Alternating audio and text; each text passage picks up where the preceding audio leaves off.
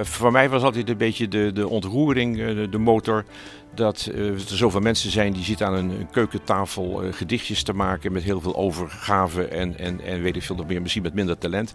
Maar dat ontroert me dat die mensen inderdaad dat allemaal doen. Nou, ik vind dat die mogen best eens af en toe een schijnwerpertje op hun kop hebben.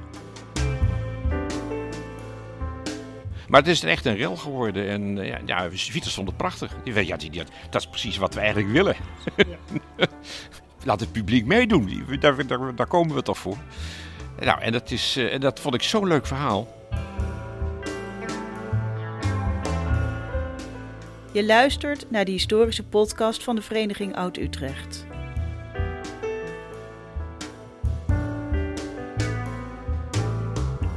Arjan den Boer spreekt met Utrechtse historici over de geschiedenis van de stad en hun fascinatie daarvoor.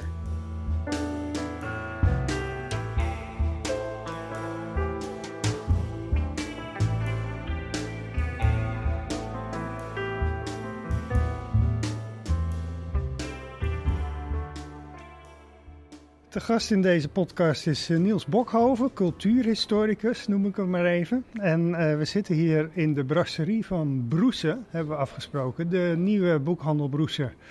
Uh, aan de achterkant van het postkantoor.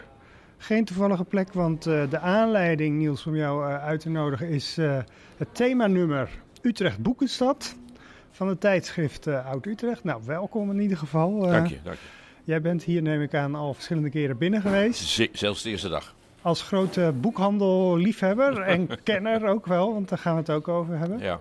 Wat vind je van, uh, van de nieuwe broeser? Um, prachtig. Het is echt een boekenpaleis. Dat was een woord wat ik al heel snel uh, erbij had.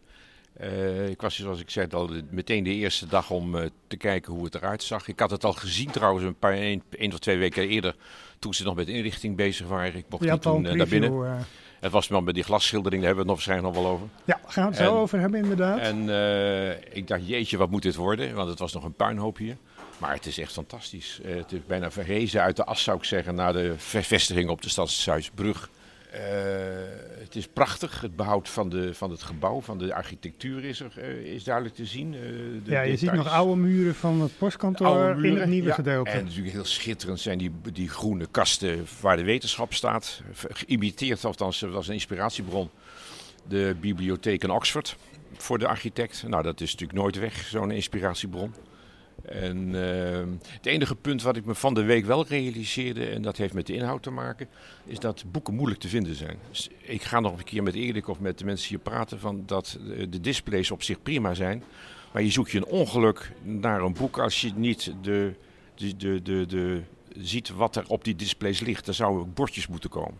Okay, een ja. ordening. Nou, een ruimte voor verbetering. Ik, uh, ik, ik, ik, doe mijn best. Ja, en hiernaast is natuurlijk uh, de nieuwe bibliotheek. Ja. Die is nu ook gelukkig open. Ja. Uh, dus samen is het natuurlijk een enorm dus, boekenpaleis wat Utrecht nog nooit zo gekend nee, heeft. Nee, het is echt schitterend. Het is echt, echt helemaal schitterend. Plus nog het plan om uiteindelijk een binden door een verbinding te maken tussen beide instellingen.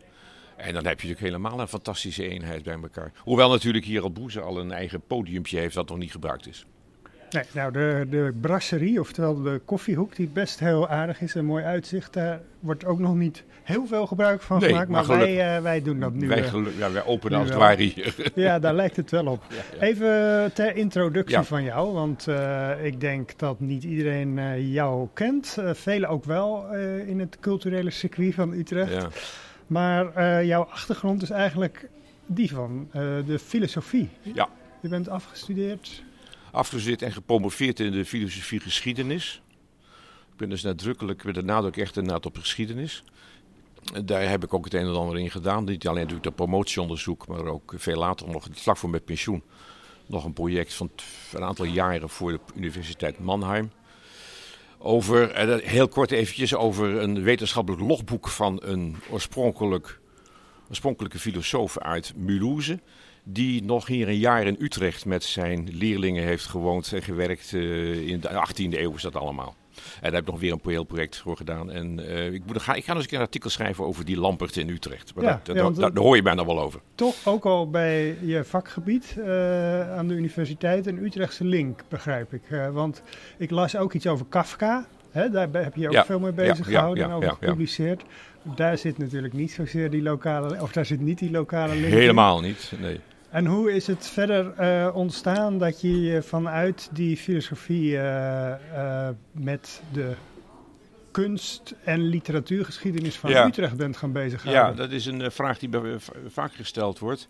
Het is niet zo, zo ingewikkeld. Ik was parallel aan mijn filosofiestudie al erg in de hevig al sinds heel lang in Kafka geïnteresseerd, dus in literatuur. En eh filosofiegeschiedenis is ook ideeëngeschiedenis. En dan zit je al bijna met één been in de literatuurgeschiedenis, want daar ontwikkelen zich allerlei, eh, bij allerlei literaire schrijvers ook eh, ideeën, filosofische ideeën. Bij Kafka met name is het ook aan de orde. En zo ben ik van lieverlee ook beland in de literatuurgeschiedenis. En als jij dus zegt cultuurhistoricus, dan klopt dat wel redelijk, maar de nadruk ligt heel duidelijk op de literatuur. Ja, maar we gaan het bijvoorbeeld waarschijnlijk ook over eh, Joop Moesman hebben. hè? ja, de, ja. de surrealist, Ja, dat is weer een uitglijder voor van me, Utrecht. ja. Ja, een uitglijder, hou het Ja. op. Maar dat, dat, dat zijn dingen die ik vaak doe, ja. Ja. Ehm, mensen kunnen jou ook nog kennen van Tumult. Dat was Ja. het debatcentrum. Dat was rond de eeuwwisseling, denk ik. Ja, zoiets, ja. Dat hebben we een aantal jaren gedaan. En eh, een aantal jaren later is het opeens eh, ja, ten onder gegaan. Dat is erg jammer. Maar het heeft wel levendige, levendige debatten opgeleverd destijds. Ja, ja, we hebben een aantal, eh, ik weet het niet precies meer, dat is alweer zo lang geleden, alweer twintig jaar geleden. Maar we hebben een aantal belangrijke debatten gehad, ja. Nou, je noemde al de lokale literatuurgeschiedenis is je grote Ja. interesse. En er is een, eh, een blad. Heb je ook gehad? De Utrechtse boekhouder. Ja, ja, Dubbelzinnige naam een beetje natuurlijk. Ja, Eh, jij was als het ware de boekhouder ook van de geschiedenis van eh, die schrijvers. ja, ja. ja. Eh, hoe lang heeft dat blad eh, bestaan? Dat hebben we gedaan vanaf 2011 eh, tot eh, medio vorig jaar. Eh, dat was eh, ten eerste die naam die kwam al omdat we toen met de, we met de voorbereiding, Hans Hees en ik bezig waren.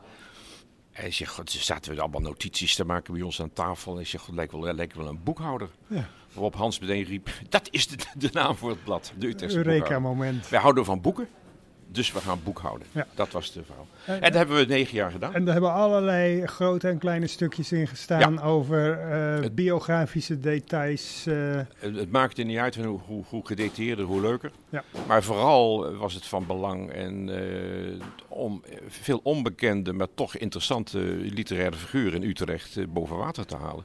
Maar voor mij was altijd een beetje de, de ontroering, de, de motor. Dat eh, er zoveel mensen zijn die zitten aan een, keukentafel eh, gedichtjes te maken met heel veel overgave en, en, en weet ik veel nog meer, misschien met minder talent. Maar dat ontroert me dat die mensen inderdaad dat allemaal doen. Nou, ik vind dat die mogen best eens een keer af en toe een schijnwerpertje op hun kop hebben. En dat hebben we dus met heel veel plezier gedaan. Alleen dat was gratis. Het, eh, we deden het voor niks. Het kostte af en toe een paar wat kopieën, et cetera. En we hadden het ook, nou, doen het, we doen het voor onze lol. En dat hebben we jaren zo gedaan. Totdat toch inderdaad bleek dat begint, ook bij mij, 2019, dat een beetje de sleetsheid eh, optrad. Nou, hopelijk hebben we, al is het maar eenmalig, met het eh, themanummer van de tijdschrift Oud-Utrecht Ja. een klein beetje dat gat eh, gevuld. We gaan het zo ook hebben over Nicolaas Beets als stadsdichter, waar jij een artikel over hebt Ja, geschreven ja, in het themanummer Utrecht Boekenstad. Maar omdat we hier in Broesen zitten, is het leuk om eh, even ook over eh, de oude boekhandel Broesen. En de actualiteit is eigenlijk dat een kunstwerk Ja, ja. daar vandaan eh, door jouw inzet mede gered is. Ja.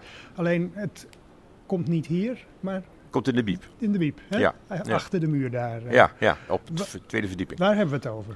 We hebben het over een, ehm, een glasschildering, een hele grote glasschildering van 4 bij 2 meter ongeveer. Van de Utrechtse kunstenaar Toon van Ham. Inmiddels alweer jaren geleden overleden. Ik heb hem gekend, of vrij goed zelfs. Of vrij goed, ik heb zijn dochters vrij goed gekend. Hij had drie Dat dochters hier. Drie beruchte dochters.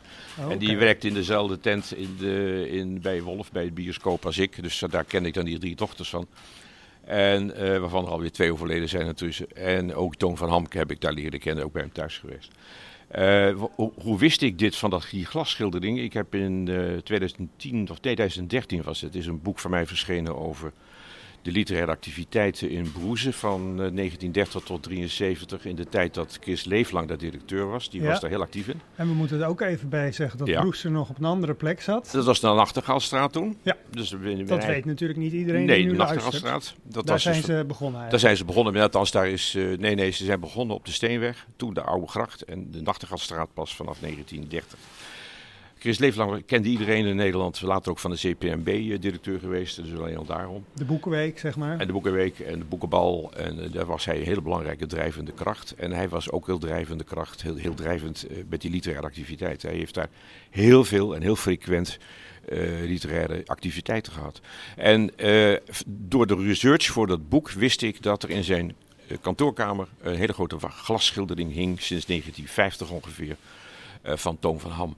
Uh, en die was daar aangebracht omdat in de oorlog, maar toen kon er niet veel gebeuren, in de oorlog uh, Broeze 100 jaar bestond in Utrecht. Is dat een jubileumkunstwerk? Dat is een jubileumkunstwerk wat, wat, wat na de hand pas een aantal jaren later is gemaakt en opgehangen. En wat stelt het voor of nou, wat beeldt het af? Een, min of meer een fantasieafbeelding van de stad Utrecht met heel veel water eromheen. Het schijnt geïnspireerd te zijn door een uh, gedicht van Joost van der Vondel, die nog hier op school heeft gezeten ooit. Dus wanneer was het? Zoveel eeuwen geleden. En uh, het is min of meer een fantasie uh, plattegrond.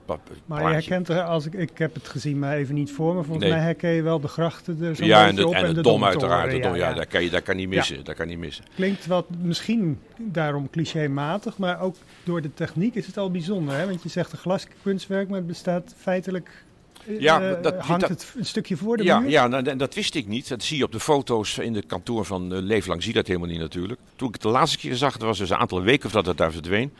Uh, bleek inderdaad dat de techniek is dat het glas een centimeter of anderhalf voor het wand zit. En het blauw van het water zit op de muur. Dus de muur is blauw met muurverf. En de verf van uh, de afbeelding zit op de achterkant van het glas. Ja. En dat geeft een hele ruimtelijke werking. Ja. Um, nou hing dat dus inmiddels in het kantoor van Broese aan de Stadhuisbrug. Sinds wanneer uh, zat Broese dan op die plek? Op, sinds 1973, toen ik uh, leeflang met pensioen ging. En uh, later is het trouwens van de kamer van de directeur van Paul Hogevorst en de andere directeuren naar de kantine verhuisd. Toen Broese ging verhuizen van de Stadhuisbrug hier naar het Post, Postneude. Ja. Toen uh, dreigde dat kunstwerk eigenlijk daar achter te blijven, of in ieder geval tussen de wal en het schip te vallen. Ja, nou, ze wisten niet wat, wat ze ermee moesten doen. Want, en, want ze uh, wilden het geen plek geven. Ze hebben hier best nee, wel was, veel hier ruimte. was geen plek. Het, het, punt was, ik heb er nog met uh, Erik van Doorn van Broeze over gehad. Ja, zit hij, er is geen muur meer over om de ding op te hangen. Nee, dat is wel waar. Ja, want alles uh, staat vol boeken. Precies. Of het is een van de oude postkantoormuren. Waar nee, maar hij had, hij had wat vrije, uh, vrije muren betreft minder meters dan in de stad, op de Stadhuisbrug. Dus hij moest sowieso wel indikken met zijn, bak, met zijn kasten. En dus ik had er alle begrip voor dat dat ding daar niet meer kon hangen. Maar ja, het mag ook niet verdwijnen. Dit is echt een schitterend ding. En uh, tot mijn stomme verbazing heb ik toen, na, na, mijn actie, bleek dat Tom van Vlimmeren van de Biep het wilde hebben. Ik de dacht, dat is notabene de, de buurman. Van de bibliotheek, ja. ja. Notabene de buurman. En daar is nog wel heel veel muurruimte. Ja, hier, hè, hiernaast ja, ja en die hadden ze niet gevraagd en niet benaderd. Dus het was toch zo voor de hand, was dan niet benaderd. En Ton zei, ja, maar ik alleen kijken of het kan. En nu is het opgeslagen hier in de Biep. En uh, ik neem aan in juni, juli, zal juli worden, wordt het opgehangen op een muur op de tweede verdieping. En dan krijgen we een klein onthullingje, neem ik aan weer. Ja. Een wederonthulling. Nou, en het is in ieder geval uh, heel toepasselijk dat het toch in de boekenhoek is ja, gebleven. Ja, ja en hoewel het op zich natuurlijk niks met boeken te maken nee. heeft. Nou ja, de, dat de ding af, zelf. afbeelding niet, maar de geschiedenis wel. Ja, geschiedenis wel, ja. ja. Daar ben ik echt blij mee. Ja.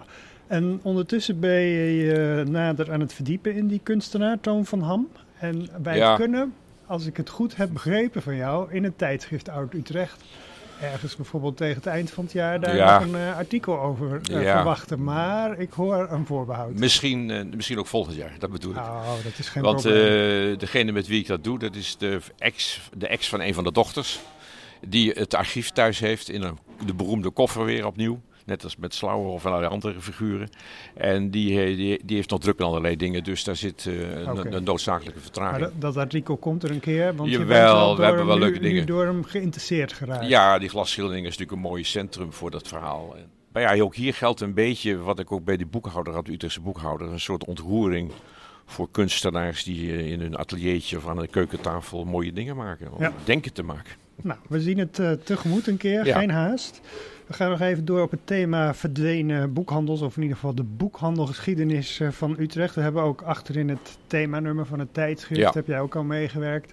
Een aantal eh, verdwenen boekhandels opgenoemd. Nou zijn er eh, twee daarbij die ook weer veel met broesen te maken hebben, omdat ze eigenlijk daarin zijn, zijn opgegaan. Hè? Kemink en, en Wristers. Ja, Uh, dat zal ook lang niet iedereen weten. Die naam Broese Kemink, die zit nog wel in het hoofd. Ja, ja, ja, ja natuurlijk. Maar hoe, ja. uh, hoe zijn die drie boekhandels eigenlijk uh, met elkaar verweven geraakt in de loop der tijd? Ja, ik op de, op, de, op de Domstraat en Broese zat toen in de Nachtegaalstraat. Maar in elk geval, uh, er waren aanleidingen om die fusie te maken. Broese Kemink en later is de naam Kemink er weer afgevallen, ja. Ja, een tijdje is er nog de naam Wristers bijgekomen. Ja.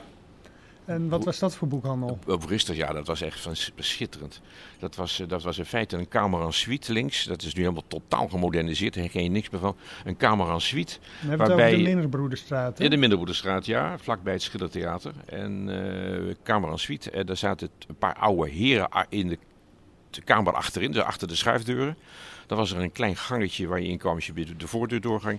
En rechts had je ook nog winkelruimtes met allemaal prachtige lambrisering, oud bruin hout, schitterende boekwinkel. En beneden een uh, antiquariaat, bij de ben ik bijna nooit geweest, voor uh, theologie. Dat was een specialisme. Zo zijn zij begonnen? Ja, ik denk het. Het was ook een Wristus in Groningen trouwens, dus het was niet alleen Utrecht. Ja. En uh, ja, ik, ik heb nog de boekhouder gekend trouwens van van de Vristers. Want het was mijn buurman in de Vogelenbuurt. En, maar ook die is, en dan hebben we het geloof ik over de jaren negentig, uh, toen ze vooral uh, studieboeken ook leverden hè, voor de universiteit. De Vristers deed, dit vinden studieboeken, vooral theologie dus weer. Ja. Maar toen zijn ze eigenlijk bij Broese uh, gevoegd als een soort wetenschappelijke afdeling. Ja, ja. En, en uiteindelijk is de hele zaak daarop gedoekt en is dus dat gewoon een onderdeel van Broese op, uh, op de Stadhuisbrug geworden. Ja, en in de, de Voorstraat geloof ik zat er nog een in een oude slagerswinkel. Met Jur Oskamp, ja. Ja, van die tegeltableaus. Ja, ja, van de oude slagerij. Ja, uh, en wat was dat voor boekhandel? Literair? Ja, vooral literair inderdaad, ja. De heel, heel breed. En Jur Oskamp was een bevlogen type. En uh, ja, die heeft, de voorstad is misschien ook niet zo'n goede plek voor een boekwinkel. Uh, net een beetje verborgen daar in die, uh, in die hoek bij de Wijde Begijnenstraat. En ja, die heeft het daarna toch moeten afleggen tegen de, de, de grotere boekhandels. Ja, dat was heel treurig. En, maar bijvoorbeeld de literaire boekhandel aan de Lijnmarkt ja, dat, is nog vrij recent. Dat is een drama. Ja. ja dat, dat, dat, pand is buiten haar, buiten Tome Adelaars weten omverkocht. En nou zit er iets met sport in, geloof ik. Of Want zo, zij zaten daar sinds de jaren 80 ergens? De, jaren zes, nee, 86. Ja. ja. Wat stond nog 68 in het blad van ja, Dickie Ja, dat is uh, mijn, uh, mijn het, fout het, het diepduiveltje. In 86 is ze daar begonnen. Uh, een zelfstandige boekenwinkel, wat natuurlijk al heel mooi is, wat niet veel voorkomt. En wat ook goed liep, specialisatie poëzie vooral, achterin een enorme poëzieafdeling. leesgroepen achterin op het podium. Dat doet ze nog steeds trouwens, hoorde ik van de week. Dus daar gaat ze wel mee door. Maar het is wel een, uh, wel een aanslag geweest voor haarzelf. De triestheid dat ze ermee moest stoppen. Uh, ja, ik, het was echt een verrijking voor het Utrechtse boekenland, boekenlandschap. Ja, want wat is uh, volgens jouw inschatting de, het belang van boekhandels voor het literaire leven in, in dit geval Utrecht? Nou ja, behoorlijk. Ik, kijk, naar, kijk naar de oude broezen waar al die activiteiten waren. En nu ook, want nu zijn, ze vaak aangestuurd door de uitgeverijen die dat graag willen. Toen was het initiatief echt bij de boekhandel, bij Broezen en bij Leeflang. Uh, dat die boekhandels ook nu inderdaad dit soort dingen doen. Ook bij Beideveld doet regelmatig uh, literaire activiteiten om het boek te promoten eh, onder de bevolking. En uh, het, het, versterkt de levendigheid, het versterkt de, de bekendheid van schrijvers. Uh, of het ook de verkoop meteen bevordert, dat weet ik niet. Bij de veld kan maar twaalf mensen geloof ik herbergen. Nu met die anderhalve meter zijn het er nog minder. Ja, daar maar, blijft er weinig over. Ja, maar het, het, is dan wel, wel het, het, hoort er wel bij, althans zo langzamerhand. En de levendigheid is er ook mee. En uh, ja, een uh, ontmoet de auteur. Dat, dat, dat, vinden mensen leuk. Ja. En terecht. Ja. En moeten we toch even noemen, want dat vinden mensen altijd leuk. Dat, dat ene winkeltje, dat is niet de Domstraat, maar de, hoe heet het straatje ervoor. Waar de, dus die vergeelde etalage nog altijd Ja, is. Meijer. Ja, wat was daar het verhaal ook weer? Ja, oh, jongen, jongen, jongen, jongen. Ik heb het helemaal uitgezocht. Het ja, ook in de Utrechtse boekhouder, hè? Ja, uiteraard. En het is later nog door anderen weer overgenomen. De Binnenstadskrant heeft er nog over geschreven. En, uh, nog, en Jim Terling heeft er ook over geschreven, geloof ik. Ja, dat is een, een, een treurig verhaal. Begonnen, ik dacht, begonnen begin 20e eeuw door die meneer Meijer.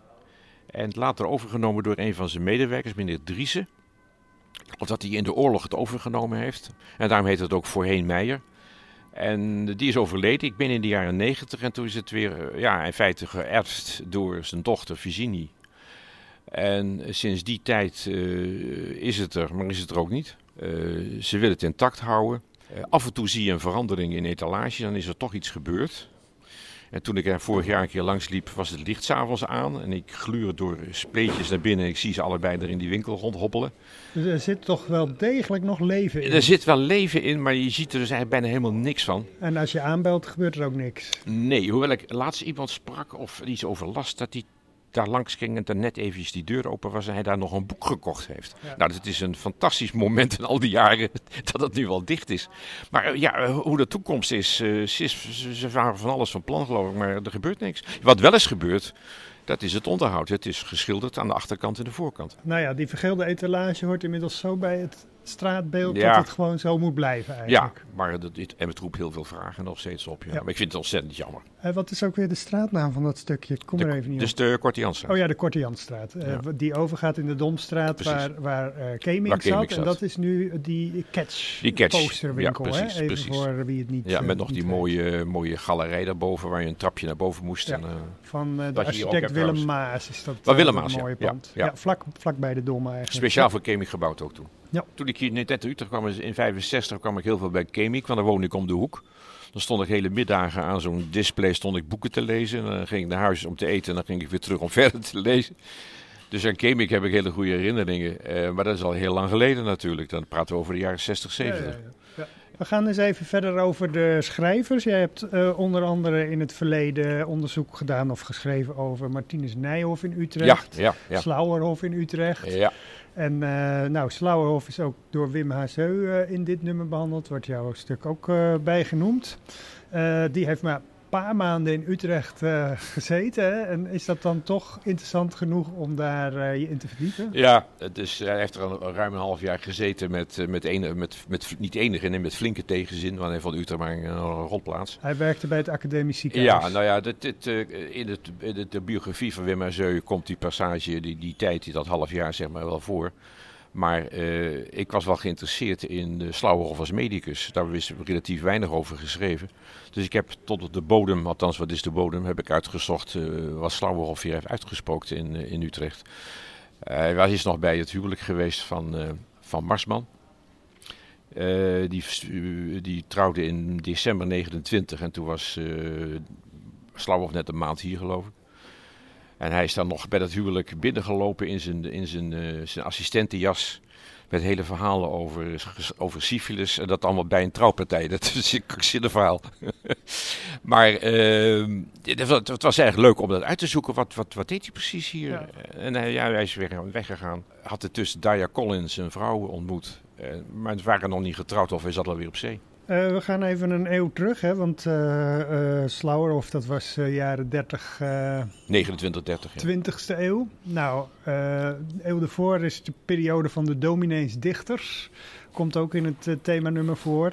En jij zelf hebt geschreven over Nicolaas Beets ja. als, als stadsdichter, hè? En je artikel begint met de zin: De dominee-dichters van de 19e eeuw die staan traditioneel te boek als saai, braaf en moralistisch. Ja. Dat, uh, dat is niet echt een, uh, een trekker. Hè? nee, uh, waarom ben je dan toch bijvoorbeeld door hem gefascineerd geraakt? Ja, nou, fascinatie is misschien een, een groot woord. Het, het, punt was zo dat ik regelmatig literaire stadswandelingen maakte. Of rond één schrijver of een aantal schrijvers als een groep. Lange Nieuwstraat bijvoorbeeld heb ik helemaal gedaan. En uh, Arie Doezer, iemand die, die ook in het boekenvak trouwens zat. En die hier nogal met cultuur bezig was en nog is in Utrecht.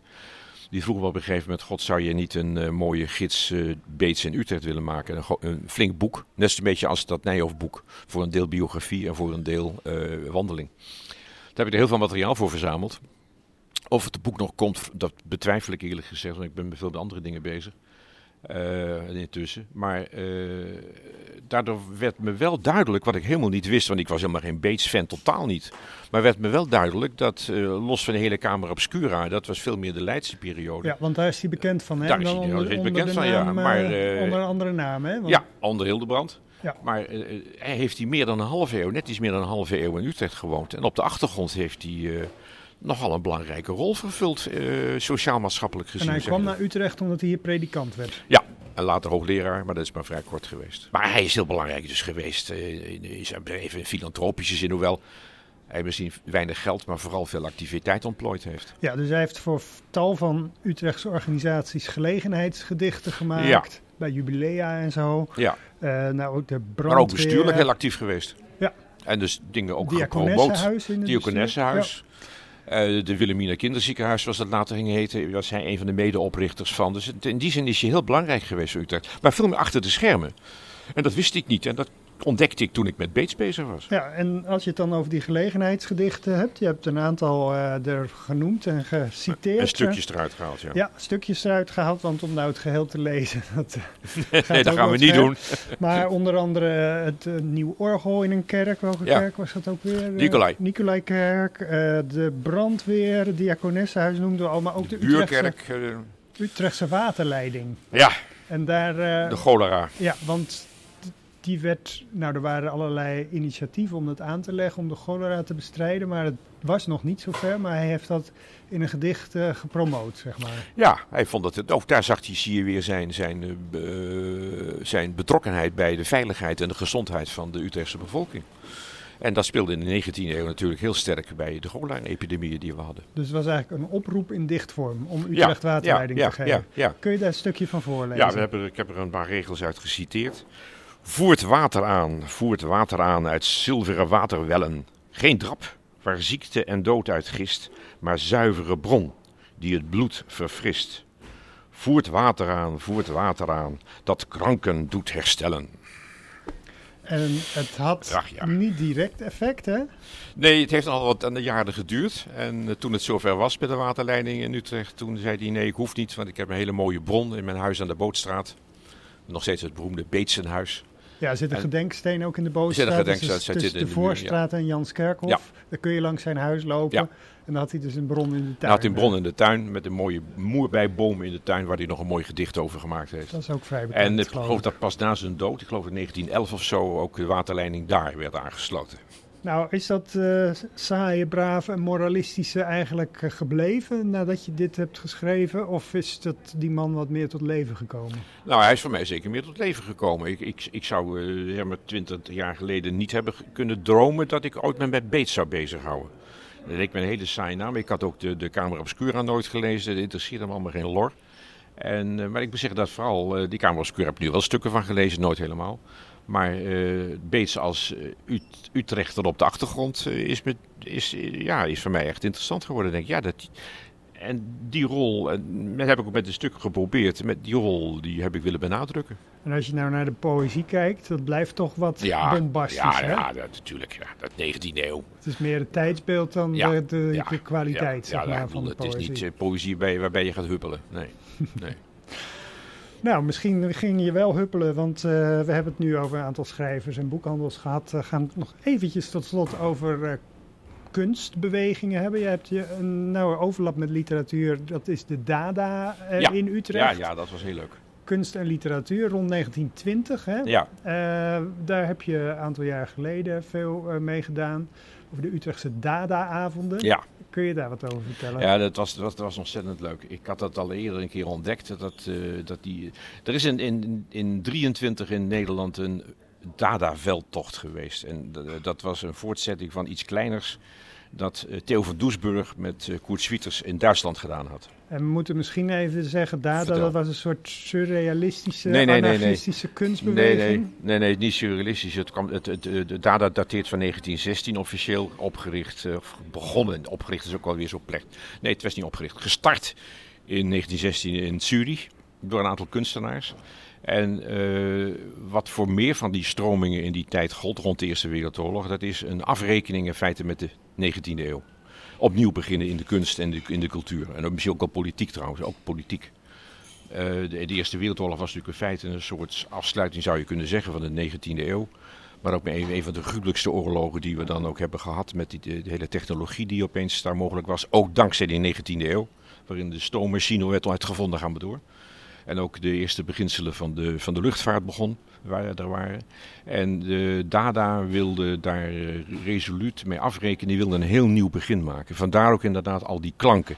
De klanken zijn het begin van de taal. En, eh, en zo wilden ze überhaupt op een nulpunt, from, from scratch, als het zo mooi heet, beginnen. Helemaal opnieuw. En dan begin je met brabbeltaal. Net als een baby. Dat wilden ze ook uitdragen. Dat kun je zeggen, dat is ook een soort politieke statement natuurlijk. Want als je voor op publiek optreedt, dan wil je ze daar, dan wil je dat laten blijken, wil je daar kont van doen. En uh, vandaar die veldtocht in Duitsland. Een heel klein veldtochtje was dat. En dat vonden ze zo leuk en ook zo nuttig dat ze dat in Nederland ook wilden doen. Ja, dus en, ook kwam zo'n uh, grote, of groot, het was helemaal niet groot, maar in ieder geval zo'n internationale beweging kwam ook in, in het, het Ja, en Koers wilde, ja, Utrecht ja, uh, wilde meedoen. Het was ook heel speels. En ook daar zie je weer dat, dat kinderlijke. Dada schijnt ook de naam te zijn voor een kinderspeel, speel, kinderspeelgoedje, een hobbelpaardje geloof ik of zo. Dat doet er niet zoveel toe, maar ook Dada is ook op zich ook alweer een, een, een klank, een kinderklank. Ja, en wat had Theo van Doesburger dan mee te maken? Want die kennen we van de stijl. Ja, maar Theo van Doesburg was een man die uh, alle richtingen opschoot als, hij maar, uh, als hij maar daarmee kon, uh, succes kon hebben.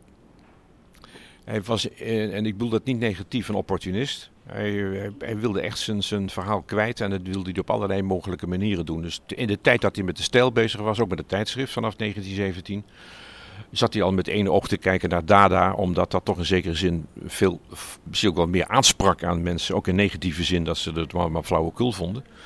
En op die manier inderdaad ook zijn ideeën via die kant uh, aan de man zou kunnen brengen. Ja, we moeten toch even vermelden. Hè? Sinds kort krijgt dat wat aandacht met de plaatsing van een steen. Maar dat Theo van Doesburg in Utrecht En Utrecht geboren is geboren in de Telingstraat, waar nu Stefan ja, de Beest onder zit. welke naam ook weer? Kuper. Oh ja. Christian Kuper. Zijn vader was fotograaf, Kuper. En, en trouwens, en ja. dat was ook weer die fotograaf die ooit nog Nicolaas Beets heeft gefotografeerd. Kijk, in zo komt 1840. alles, Alles bij komt elkaar, samen. want die steen, eh, of dat huis waar Theo van Doesburg is uh, geboren, dat is nu de boekwinkel Savannah bij. Ja. Ook een van de Ja. boekhandels behandeld in dat thema. Ja, Dus ja, ja. Alles die het komt samen. eh, of Utrecht is gewoon heel klein. Maar even terug naar de Dada-avonden. Die vonden plaats in het gebouw Kunst en Wetenschap. Nou, nee, dat, was, dat is eh, één avond geweest. Want dat was een veldtocht door Nederland. En ze zijn ook eind januari 29 in Utrecht geweest in KNW. Nou, dat is, eh, de- achteraf heeft eh, eh, Swieters geschreven. De avond of de middag, wat was de middag trouwens, in Utrecht. Dat was de meest dada-achtige van alle optredens in die paar maanden in Nederland. En wat bedoelde die daarmee? Ehm, nou, het, het verhaal gaat, en dat heb ik helemaal uitgezocht, dat er halverwege die avond, of die middag dus, de soirée zoals het werd genoemd, opeens in het programma werd ingebroken. Door een man in een jacket met een, eh, met een enorme raar ding in zijn hand. Een soort boom met allemaal troep eraan. Oude varkensbotten en een flesje never en weet ik veel nog meer. Allemaal troep. En inbrak in het programma. Eh, eh, Theo van Doesburg was eerst kwaad. En die, die dacht wegwezen. En die wou van het podium afdouwen. Swieters vond het wel leuk. Die keek geamuseerd toe. Uiteindelijk gingen ze daar gaan zitten. En ze hebben die interrump, in, die, de man die inbrak, hebben ze toch het woord gegeven. Die heeft een heel waanzinnig verhaal opgehangen. En toen is hij van het podium gehaald. En studenten hebben eh, dat die gekke boom van het podium gehaald. Het is een enorme rel geweest. En wie zat er daarachter? Eh, Niet die man op het podium, die was ingehuurd. Dat was een komiek. Maar achter, daarachter zat die Willem Maas, de architect, die je net al noemde bij Kemink. Zo komt weer alles samen. Jan Engelman. eh Cor Vos, de vader, vader van Peter Vos, die was toen journalist. En Cor Schilp, ook eh, journalist. Die hebben op, weet je wat, we gaan een eh, eerbewijs maken voor het Koert Swieters. Daar was het voor bedoeld. Nou, dus het was niet als protest Nee, helemaal niet. bedoeld, Nee, nee, helemaal juist niet. als steunbeduiding. Als steunbetuiging. Ja. Maar het is een echt een rel geworden. En eh, ja, ja, vond het prachtig. Die weet, ja, die- die- dat is precies wat we eigenlijk willen. Ja. Laat het publiek meedoen. Daar, daar, daar komen we toch voor. Nou, en dat, is, en dat vond ik zo'n leuk verhaal. Dat ik dacht, daar wil ik meer van weten. En toen heb ik een poging gedaan om die hele middag te reconstrueren. En dat heb ik, eh, heb ik laten liggen op een gegeven moment. Totdat ik hoorde dat... eh, nee, ik had Maurice, eh, jouw voorganger. Maurice van Lieshout had ik verteld dat ik ermee bezig was. eindredacteur van tijdschrift van- Oud-Utrecht. en Toen? die had ik dat verteld ooit. En toen kwam 90 jaar Oud-Utrecht in beeld, herdenking daarvan. En toen kwam Maurice weer op me af. God, Niels, zou jij die reconstructie willen voltooien? En dan gaan we hem opvoeren. En nou, daar ben ik toen heel, veel mee, heel druk mee bezig geweest. Ik heb, er zijn twee, drie witte plekken gebleven die ik niet kon achterhalen. Voer te ver om dat nou helemaal uit te leggen. Maar voor, Maar zeg je maar, hebt het voor gedaan aan de 90 hand van krantenberichten of zo? ja, krantenverslagen, eh, het werk van Schwieters zelf, het werk van Theo van Doesburg zelf, en die traden zelf op. de muziek die werd gespeeld door de vrouw van Theo van Doesburg, Nettie van Doesburg. Die speelde een aantal zogenaamd dadaïstische muziekstukken. Die hadden helemaal niks met dada te maken, maar die waren er gewoon bijgehaald.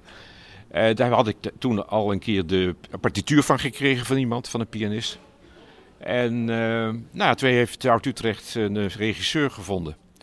En we hebben acteurs gevonden. En toen is uh, oktober 2013 is die reconstructie opgevoerd in KW. Uiteraard in dezelfde zaal als 90 jaar daarvoor. Uh, af en toe wordt er nog over gesproken, uh, jaren later. het was echt een belevenis.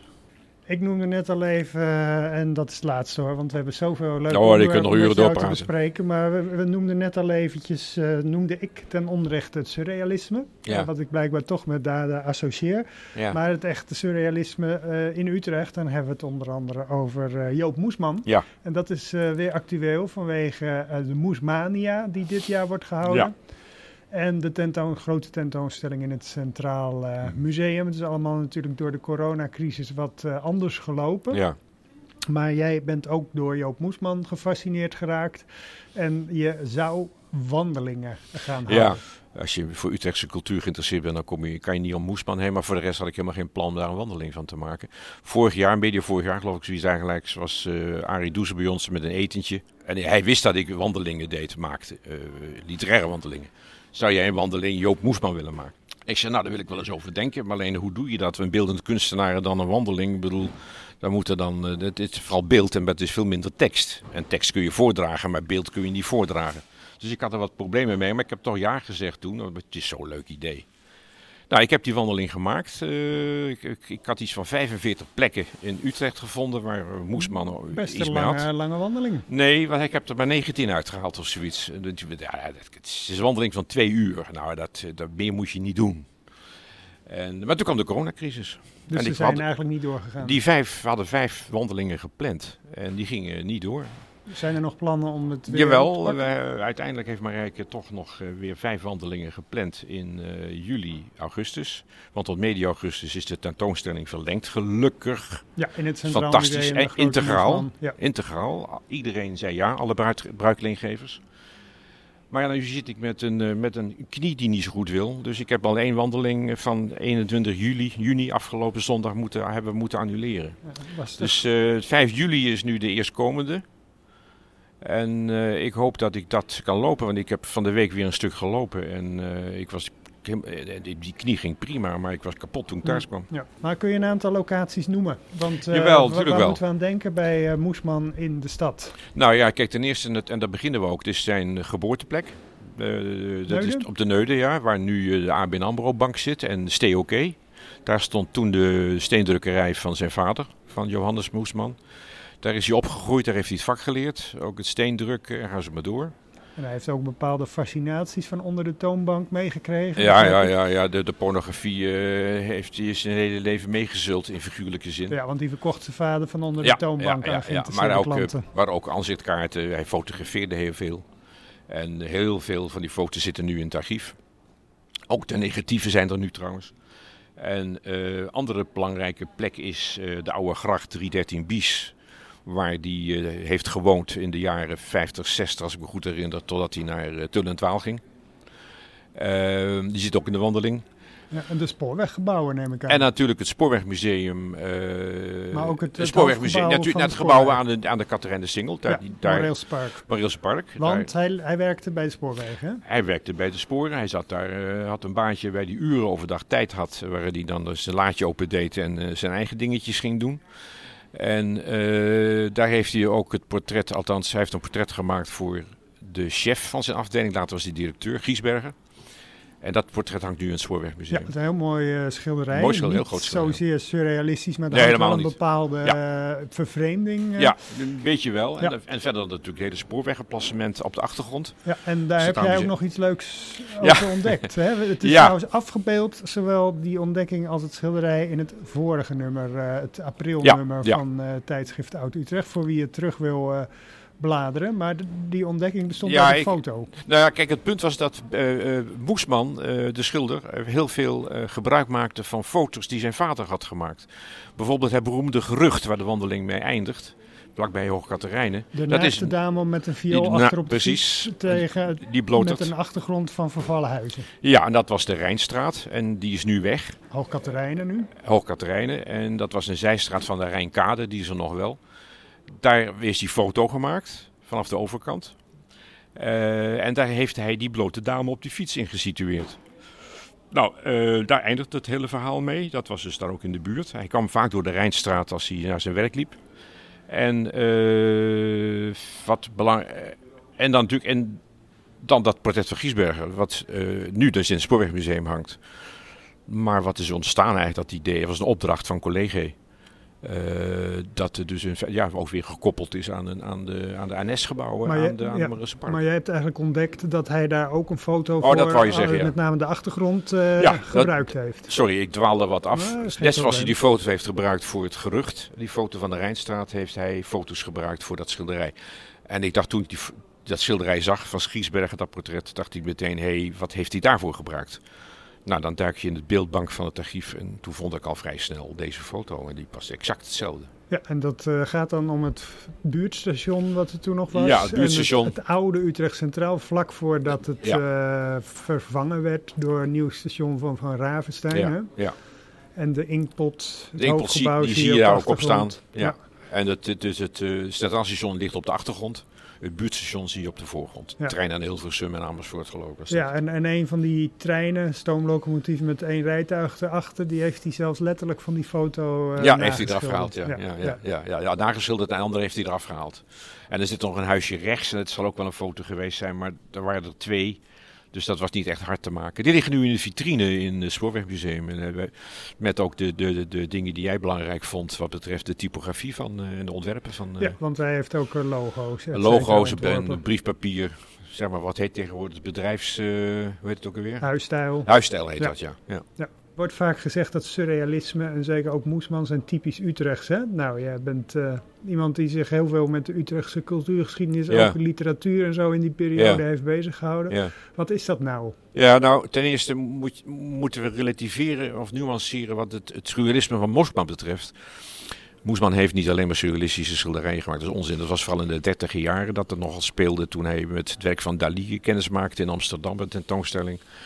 En ook met een, een, een Frans tijdschrift waar het surrealisme in werd eh, uitgebeeld. En met, met, met facsimiles en dat soort dingen meer, met afbeeldingen. Maar er zijn heel veel schilderijen van Moesman die je eerder magisch realisme of je zijn gelijks moet noemen. En dan zitten we wel gauw in de sfeer van eh, Karel Willink bijvoorbeeld. Ja, dus er heerst een bepaalde vervreemding, maar het Ja, zijn dat geen wel. onmogelijke situaties. Nee, want dat is altijd een beetje de definitie geweest van, eh, van, van, van eh, ik meen Pijke Koch. Die bevriend was met Moesman in de tijd waar, die, waar Moesman ook veel van geleerd heeft. Die zei van ja, als het eh, onmogelijk is, dan is het eh, eh, surrealisme, de afbeelding. En als het niet gebeurt, maar wel mogelijk is. Onwaarschijnlijk of, is onwaarschijnlijk, maar wel mogelijk is, dan is het, dan is het magisch realisme. Maar dat was niet de definitie van, van Breton. Uit de jaren twintig van het eerste manifest van het surrealisme. Die definitie ging veel verder. En die heeft Breton uiteindelijk gewoon rond 1960 zelf weer verlaten. Door ook eh, Moesman te erkennen als surrealist. Ja, dus toen heeft hij eigenlijk dat stempel definitief Nee, ja, ja, gekregen. ja, nou, dat was, daar was Moesman heel blij mee. Ja. Nou, zo zie je dus dat de definitie van surrealisme eh, heel bewegelijk is. En wat zou dan de verklaring zijn dat het specifiek in Utrecht is aangeslagen? Geen idee. Dat is wel Er, er worden vraag. allerlei dingen gezegd van dat er een rare sfeer heerst in Ja. de 30 jaar in Utrecht. De mist boven de nieuwe gracht, ja, dat soort dingen. ja, ja. eh, ik weet het niet. Ik weet het niet. Ja, wat wel belangrijk was, eh, en dat, dat was in Utrecht, dat was het winkeltje van Willem Wagenaar. Juist, dat was hier vlakbij. hè? Bij, vlakbij in de Vinkenburgstraat. Dat heet eh, de Galerie eh, Noord. Eh, daar, staat, daar zit nu een lingeriewinkel in. Of, of, of, heel merkwaardig, zeker voor Moesman natuurlijk heel erg leuk. Je ziet de nodige lingerie ook op zijn, op zijn schilderijen. Of er is geen lingerie, zoals bij het gerucht. Maar eh, waar eh, Moesman kwam, waar Pijke Koch kwam, veel beeldende kunstenaars. Dus Hij- die zit ook in je wandeling. Zit ook wel- ja, zit Ja. zeker een wandeling. Daar kwamen heel veel beeldende kunstenaars kwamen bij hem in de winkel. Hij hebben daar ook dat Franse tijdschrift gelezen, Variété, over surrealisme. Eh, Willem Wagener heeft zelf ook geschilderd, ook eh, surrealistisch, prachtige dingen gemaakt. Je kunt zeggen dat dat een broedplaats was, die winkel, of die galerie moet ik zeggen. een broedplaats was voor het Utrecht surrealisme. Daar is het begonnen, al in de jaren twintig. Ja, en daar hebben we dus mede aan te danken nu de grote Moesman uh, tentoonstelling. Ja. Want anders was hij misschien niet op dat spoor nee, gekomen. Nee, nee, en Wagenaar zou echt wel eens een keer een eigen, eigen tentoonstelling mogen hebben. En uh, die, ik zit even te denken, hè, de mensen van die lingeriewinkel, heb je die gesproken? Weten, nee, zijn zich van dit soort dingen bewust? Nee, maar ik sprak iemand, ik geloof, nee, Felix Visser van, van. Die is daar binnen geweest, dus ze willen er niks mee te maken hm. hebben. Dus ik, ik, heb ook geen enkel interesse om naar binnen te gaan. Daar, ik sta ervoor. Als ik naar binnen ga, dan zijn we veel te lang onderweg. Dat moeten we niet doen. Dat geeft oponthoud. Niels, dankjewel voor het gesprek. Geen dank, graag uh, over uh, allerlei literaire en kunsthistorische onderwerpen uit het Utrecht van uh, de 19e en 20e eeuw. Ja, onuitputtelijk onderwerp. Zeker. Dankjewel. Graag gedaan.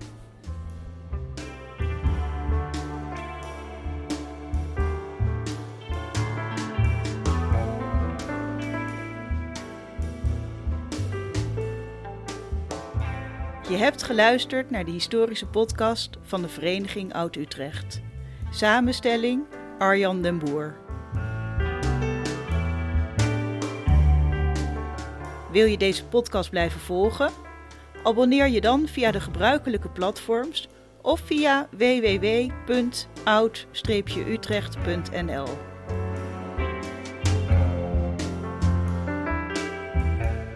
Wil je deze podcast steunen?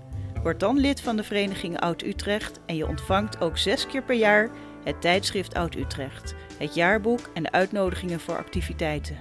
Meer informatie www.oud-utrecht.nl